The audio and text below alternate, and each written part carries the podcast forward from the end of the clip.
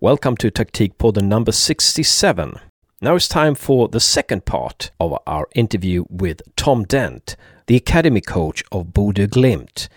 How on earth is it possible to create such a soil that Bodø Glimt has created for the young players? How come Bodø Glimt has developed so many young players during the last couple of years? I hope every club in Scandinavia and in the rest of the world are listening to this podcast because you will learn a lot. My name is Asse Carstensen, but now it's time to move on to the main character of Taktikpodden 67, Tom Dent.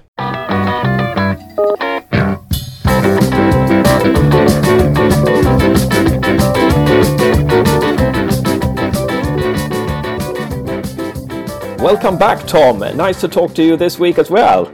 Lucky people, two weeks in a row. Can't uh, can't argue with that. The listeners will uh, probably next week, when we're we're not uh, interviewing you, they will probably feel that something is wrong. So we will probably have to move on to you uh, sometime in the near future. But we did a presentation of you last week. Uh, those of you who want to know more about Tom and his background, tune in to last week's podcast. This week, we will focus on your time in Bodø Glimt, this sensational club that is taking Norway and European football by storm. Let's start from the beginning. In 2016, you've been working with Stjørdals Blink for a couple of years, and then you got an offer from Bodø Glimt.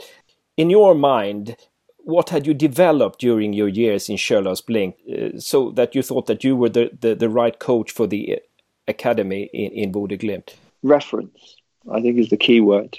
Um, I think when you're a young coach, you think you could do anything, and you you you you be a let's say a under 12s coach, and then after a year you think you've cracked under 12s, so then you want to do under 14s, and then after a year you think you've cracked under 14s, so then you want to take on 16s, and you you you always looking up.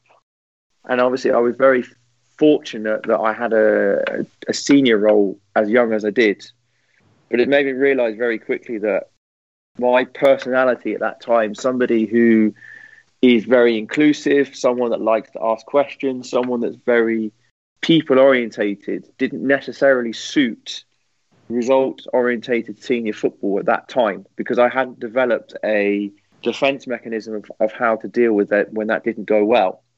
So I felt at that time a, a job working with some of the best young players in the in the country in an academy that had a very much development focus and wanted to produce players for the first team allowed me to connect my personality and my coaching experience then to the players. But what it also allowed me to do is it allowed me to take the reference of playing senior football at an okay level and at a higher level than Glimt's second team was at the time and be able to sh- transmit that then into the players and give them a reference of what they should be aiming for as the steps towards breaking into the A-lag. And I felt that that then fitted me better than the, the senior side. And of course, as I mentioned in the last episode, that a lot of my roles were were very broad in terms of the, I had the analysis, I had the periodization, I had the opposition analysis, I had the one to one conversations with players and all of those skills that I learned in those years in uh, Stjørdalsblink then made the Glimt job a very easy job to take over um, because I developed a, a, solid foundation of that side of the game, coupled with a with a high work ethic to want to do well. Mm. When you arrived at Bodø Glimt, when you started working at Bodø Glimt with the academy, did Bodø Glimt have a certain way of uh, looking at football? They they have a way of playing that they wanted the first team, the senior team, to play, and then wanted the academy to copy. Or how did it work? In 2017, the Norwegian or the top football centre in Norway had its first academy classification, which basically meant that all the academies in Norway were graded based on a lot of criteria from the school program to number of players in the first team, training methodology, everything. And as part of the criteria for that, the club had to come with a playing strategy that was uniform within the academy, but also then They had to have at least a diet um, description of how the R wanted to play. What was really good about Glimt was Glimt have played a very, I wouldn't say traditional, but they played a very similar 4 3 3 style for many, many years. Uh, it's very much a part of the DNA here. And they played with, with uh, they were famous for counter attacking football, but they played, they wanted to play fast, attacking football, but counter attack, where they felt that at the particular top level that they could threaten more. So that approach then was filtered down into the academy. But one thing the academy had a very clear focus on, which was a, uh, something I had to learn, was that they were very much focused on the individuals. It was not about the 19s coach having the best players and winning trophies or winning leagues or winning tournaments. It was a question of can you get the best players of that group to go into the next group?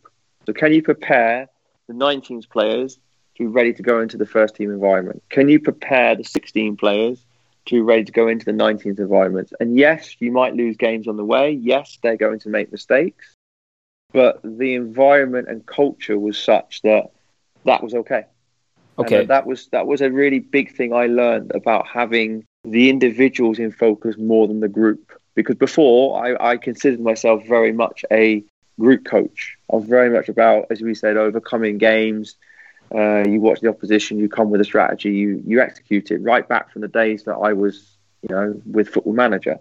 Whereas in Glimt, it was very much a case of if they had a talented right winger, you had to prepare him for the next level. It wasn't a case necessarily about him scoring lots of goals, but what was his weapon? Could you make his weapon even better?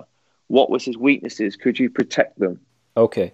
And how do you develop his strengths, his skills, so that he can move up to the next level? How do you do that? Uh... You have to practice on it. Most coaches will work on the weaknesses. Most coaches will look at what they need to improve. So a lot of the common ones are he needs to improve his weaker foot. He needs to improve his first touch. He needs to improve his control. If someone is very fast, then you need to work on that. But you also need to work on the bit after it. So it's very traditional that you have a fast player. Their first touch can struggle because they have it's very difficult to control their body to be able to get control of the ball while maintaining the speed that they're they're doing. So you have to work on the first touch to make him make the most of his speed, which is his weapon. If you have a striker who's good at finishing, you've got to challenge him to make himself great at finishing. So finishing at all different ways, both feet, different surfaces, different deliveries. You know, most people just play a pass and they finish it, but that, that doesn't happen in a game. What happens if the ball takes a deflection? Can you be creative enough to find a solution to finish? So it's about early as possible identifying what a player's weapon is and their strength and being able to get them to repeat it and work on it in as many different environments to give them the biggest experience bank that they can tap into then as and when they need to. That is so interesting. So a fast player, uh, he shouldn't he shouldn't uh, necessarily develop uh, his uh, defensive sides. He should he should practice those things so that his speed becomes an even even bigger weapon. Exactly. And it's about it's not about neglecting the other side. It's not about saying defending doesn't matter. Of course it does. But being a first defender, being the defend being someone that's good at defending is never going to be his first priority if he's a if he's a winger, if he's an attacking player. His first priority is always going to be how can I score goals, how can I assist goals, and how can I get to goal. So you just have to develop the defensive side well enough that they can function with others and that's things like working hard in transition. That if you uh, try to dribble a player and he loses the ball, not getting annoyed that he's lost the ball, but just reacting immediately and winning the ball back. Uh, you can develop then those types of characteristics in his in his personality, but you don't necessarily have to do. You don't have to necessarily make him the best first defender because at the end of the day, that's not going to be what his weapon shapes him towards. Mm. So this was totally new to you when you arrived at Bodø Glimt, uh, thinking about the individuals uh, in the first room, so to speak. Did you have to relearn a lot of things? And how much did you sort of uh, get to use your strengths, the things that you were good at? I think the first thing I did was I realised very quickly that Bodø/Glimt were a much bigger club than I've worked with them before. Uh, they had a lot of knowledge, a lot of former players and, and good former players, not just former players. For example, Stig Johansen, I know played in Sweden in, in Helsingborg, I believe. Um, he was the coach developer, um, which meant then that I realised very quickly I couldn't come in and just say, I want to do the session or I don't, I want to do it like this because um, it was the first club I've been into where the playing style was very defined. Like I said, they play four three three, and that's what they play. So I had to use time to learn that how they played, not just think how would I want to play it. Um, and then it was a case then of the the exercises and things that I uh, have used previously. You know, I couldn't just copy and paste them over because the start point was different. Uh, so I had to think then how which ones could I use, which ones could I adapt, and which ones now weren't relevant, and I might bank them for another day when when I play want get to play in that way. So it probably took me about six months before I felt comfortable both in my role, but also to feel that I was in the same level as the people in the room. Either because, as I say, they were very successful players before, but also because of my knowledge of the club and and the playing style was was so behind the rest that I had to catch that up. It didn't make me it didn't make me a bad coach in that period or a bad person, but it just meant that there was a lot more discussions for me. Things took a little bit longer than usual because uh, I had to go through a process before I understood why either something didn't work or couldn't work. What did you feel that you brought to the table? My biggest strength will and still is and forever will be uh, what I call empathy. So my ability to communicate with a player and be able to put myself in their shoes so I understand why they feel like they do. So if they are disappointed at a result, I can put myself in their shoes and understand why they might be disappointed, which then allows me to ask the right questions to help them reflect if they are frustrated that they're not playing, I can understand why they would be frustrated at that question or that uh, point. So then I can ask myself the question of how to help them reflect to make them not accept the situation, but be able to control how they can overcome that situation very interesting. We have to move on to uh, Bodø Glimt's success because they were promoted to elite Eliteserien a couple of years ago, and this year the club will win Eliteserien for the first time. What role has the academy been playing in, in Glimt's recent success? Is it? Could you put that into words? Yeah, I think it, the, the relegation that happened in 2016 was one of the best things that could have happened because what it did is it cleansed the club they've always had a history of producing their own players, and, and, one of the club's mottos is to make North Norwegians proud, and that is a massive identity that the club hold. That it's so important that players from the county are in the Bodø/Glimt team. At that time in 2016, we had young players like Jens Petter Hauge. He was 16. He made his debut, scored his first goal against Start. Uh, who was 19 at the time, you had uh, Fredrik Bjørkan, who was 18 at the time. He played some games. Morten Konradsen was only 20 at the time.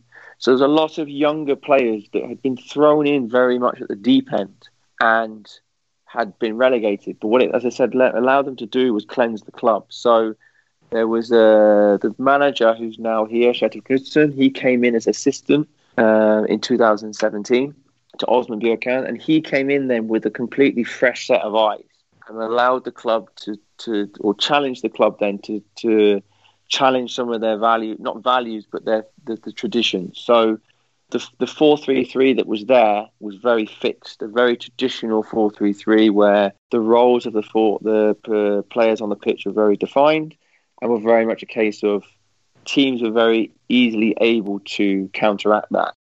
Kjetil then came in with a different mentality and said we have to keep the 4-3-3 we have to make it more flexible we have to make it more less rigid and allow the qualities of the players to come through more the second thing it then allowed them to do was that players like Patrick and Frederick and Morten and Jens Petter to a point, they then got challenged because they couldn't get into the team. Jens Petter got the most assists in OBOS-liga in 2017, but I think he only started probably seven or eight games, which tells you how much impact he had off the bench. Patrick Berg rarely played uh, at that point. Uh, Frederik André had a lot of injury troubles. I think he broke his foot twice. He didn't play as many games.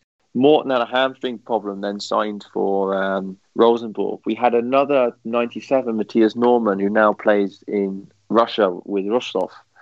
Uh, he was sold and he was their best player in the. He was only 20. He was their best player in Elite Series in, in 2016.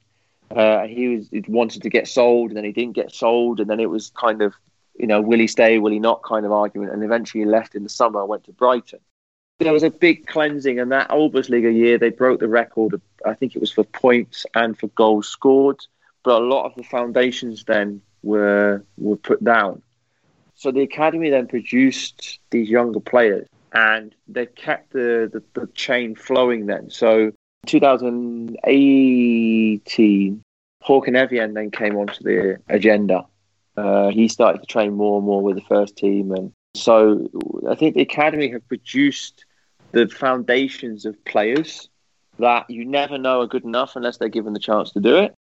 And the A-Lag then have managed to polish those diamonds. But the biggest strength of our first team is that they, the way the first team is, is made up, the squad, there has to be young players in it. So at the moment, there's a model where there's 18 senior players, two goalkeepers, and they have, I think it's three players that they class as bridge players that are players that are from the academy. This is sensational that a club from Bodø has an academy who produces these kind of players. I mean, many clubs in Sweden, I, I know they, uh, the academy has to consist of, of, local players. We have to get get, get the local team, uh, local players into the A, the first team, the senior, first senior team, etc. But they don't succeed. So how come all these young players manage to take that big step from juniors to seniors so fast? I think that the first thing is, as we said earlier, that we, we look at the players individually. So we identify those that have the potential to be first team players, and without necessarily cutting them a rest from the rest of the group, we allow them to work on, on their weapon. And we use that tactic for all the players, no matter whether they're um, first team potential or not.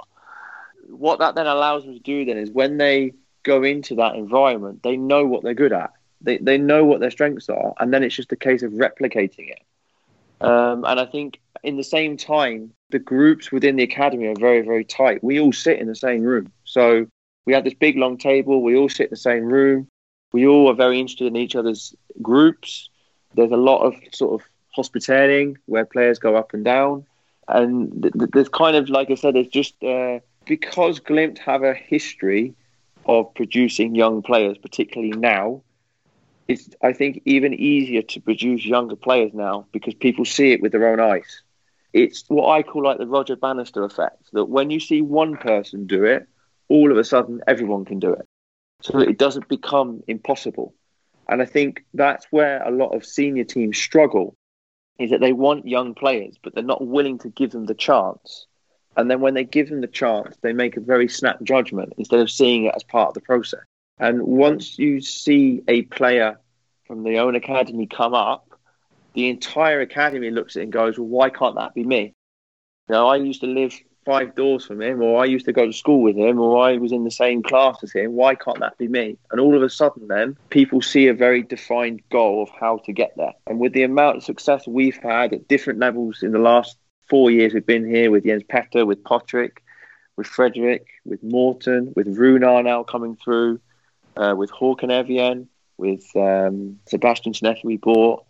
Our Sheridan Scow, Ardan Hussein, they're out on loan at the moment. Elias Hoff-Melkersen is out on loan at the moment. So we have so many players that are sort of continuously coming off because they all know they have a chance. They've all trained with the first team. They all feel part of it. Uh, we have a 2003 Brynjar Jonsplass, who's born 31st of December 2003 training with the first team at the moment, and he I spoke with him today, and he said he feels part of it. He feels like he's gone in there, and yes, it's difficult. Yes, it's physically challenging, but all the players have taken him really well, and he's he's seen Runar, he's played with Runar, he's seen um, Elias and Ardan and played with those guys, and he's gone. Why can't it be me? And I think that's the biggest thing. It's not so much necessarily what you do in the academy, which is important because it really is to get the foundation. But if you don't have a system that allows those good players the chance to shine, then it's very, very difficult. Yeah, uh, it's sensational to watch uh, Jens Petter Hauge playing against Milan like he's playing uh, against his friends in the, in the backyard. Uh, that, that's just really fascinating. Uh, I have two more questions uh, now in this second interview, Tom. The penultimate question is In an interview four years ago, you said that you weren't ready to become a head coach, but now you've signed as the head coach for Stjørdals Blink. So why are you ready now? Confidence as I said before, I, I find it very hard personally to handle the demands of being a coach with a senior team uh, in myself. So when I changed roles in Bodø/Glimt at the beginning of 2019, I actively looked for a mental coach, uh, I guess is the best title, where I could speak to somebody who had no real idea of football but could look at me as the person and identify why I perhaps was feeling why I was feeling, and then was able to think otherwise or come up with a strategy to overcome it. So I spent a lot of the last two years working on myself in that way and, and having the the variety to be able to solve things in my own mind because the role I had was a was a massive step up in responsibility. I was having to lead now, not just players, but I was having to lead coaches. As I mentioned earlier, a lot of these coaches had played 300, 400 games of Bodø/Glimt and had been in the club 10, 15 years. And here was me, some punk from England who'd been in Bodø/Glimt for two years, and all of a sudden was having to tell them how things should be done. I, knew, I knew I had to find a way to balance that and find my own way of doing it. And through going through that process, one of the things that was challenged to me was what's your goals? And at the time, I didn't really know. I, I, knew I wanted to be a football coach. I knew I wanted to work around players because I think that's one of the best feelings you can have when you when you get that moment of eureka inside a player. But I didn't really know where I was going with it. I didn't know what my next step was. I didn't know, didn't have a time frame on it. I didn't know what I needed to work towards to get there. So I made a plan last July, I, I, wrote a plan A and plan B in terms of what my next steps might look like. And I did a lot of work then on my own, um, based on the experiences I had. I, I came up with a with a playing document of how I would like football to be played. I did other courses on on other matters. I've just started a master's in performance football coaching from the University of South Wales. That then gave me the confidence to go, actually, do you know what? I can do this. I can be a head coach now, and I, I know that I can lead people. And as as I said before, I think the role of a head coach has changed now. I think there are so many examples now of head coaches not being the dictator, but someone that is inclusive and just the main cog in a in a massive system. That is someone that I can feel I can relate to. That I can, I'm good with people. I can work with different types of people. I can use different people's strengths uh, and qualities, and actually now not feel like I have to do everything myself. And I can handle the results side a bit better, and I can handle the media now because I've had some experience of that. So I think that process put together allowed me to to say yes this time, and, and I don't feel I know I have a lot to learn. I know that there are going to be things I have to learn very very quickly when I start, but I feel now I have a support mechanism and a support network that will allow me to develop and learn from that in, in the right way. Yeah. Thanks for, for that interesting answer, Tom. And the final question now, the, the question that we usually pose to our guests when we remember. If you had a time machine and co- could go back 10 years and give yourself a skill or a knowledge that you have now that you did not have back then, what would that be? I found this question really hard.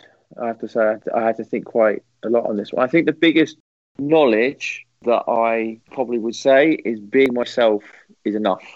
In the fact that uh, I think football managers, football players, anyone that works in football, you, you name a role in football and people have an idea immediately of what that should look like. And that goes to something like agents as well. Most people say, I'm a football agent, and everyone all of a sudden immediately thinks, oh, money grabber, wants to sign up every young talent possible, makes things a lot more complicated. But that's not the case. There's a lot of football agents that are very, very good. And I think that was the same with, with thinking of, of coaches in football. I had this image of being a coach that I had to be tough. Uh, I couldn't let players walk over me, and I had to be very clear on what I wanted. And I maybe had to swear to get my point across, and I had to shout at people. And at that time, I didn't feel comfortable with that, which is why I think I've taken the route that I've taken. I think 90% of the reason I've got the jobs I have is because of me, the person. And I think that would be the biggest advice I'd give myself is just be you, because most of the time that's enough. A good advice for podcasters and football players, uh, I believe.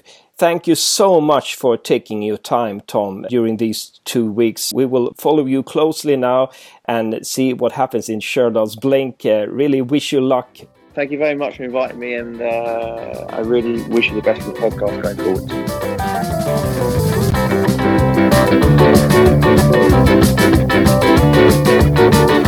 forward.